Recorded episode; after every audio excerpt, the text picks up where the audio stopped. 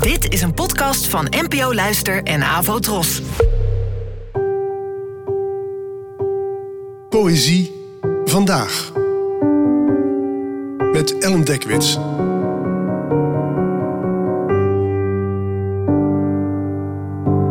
Hallo, fijn dat je luistert. Het gedicht van vandaag heet De Sneeuwvee en werd geschreven door de Jamaicaans-Amerikaanse dichter Claude McKay, geboren in 1890 en gestorven in 1948. Het werd vertaald door mij. De Sneeuwvee. De hele namiddag zag ik ze. Sneeuwveeën die vielen, vielen uit de hemel, wervelend, fantastisch in de mistige lucht, woest strijdend voor de heerschappij van de ruimte. En ze daalden nog zwaarder neer in de nacht, alsof er in de hemel opstanden en rellen waren uitgebroken. En zij, tere dingen die in paniek waren gevlucht, richting de kalme aarde op zoek naar vrede en rust. Ik ging naar bed en ontwaakte in de vroege ochtend om hen tegen elkaar aangekropen te zien in een hoop, elk verenigd met de ander op het gazon, uitgeput door de hevige strijd, diep in slaap. De zon scheen een halve dag fel op hen en tegen de avond waren ze heimelijk vertrokken. Afgelopen maandag zag ik de eerste sneeuw van 2024 vallen.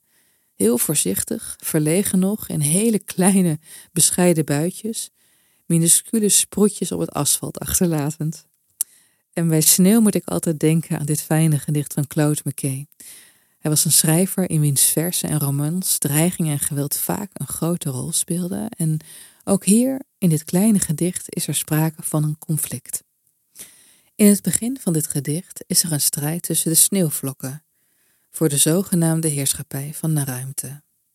En is er in de hemel een soort revolutie gaande, die de minder sterke sneeuwdeeltjes in paniek zijn ontvlucht. Tegen de ochtend zijn ze op aarde tot rust gekomen, slapen ze tegen elkaar aan, als een soort belofte, dat elke storm ook weer gaat liggen, maar ook dat er in de hemel het recht van de sterkste geldt iets wat natuurlijk nooit een garantie voor vrede is.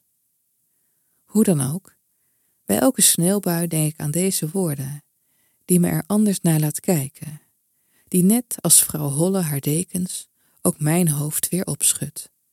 De blik verschuift op elk winterkleed dat er valt, en dat achter het vredige toch ook weer minder vreedzame mechanieken schuilgaan.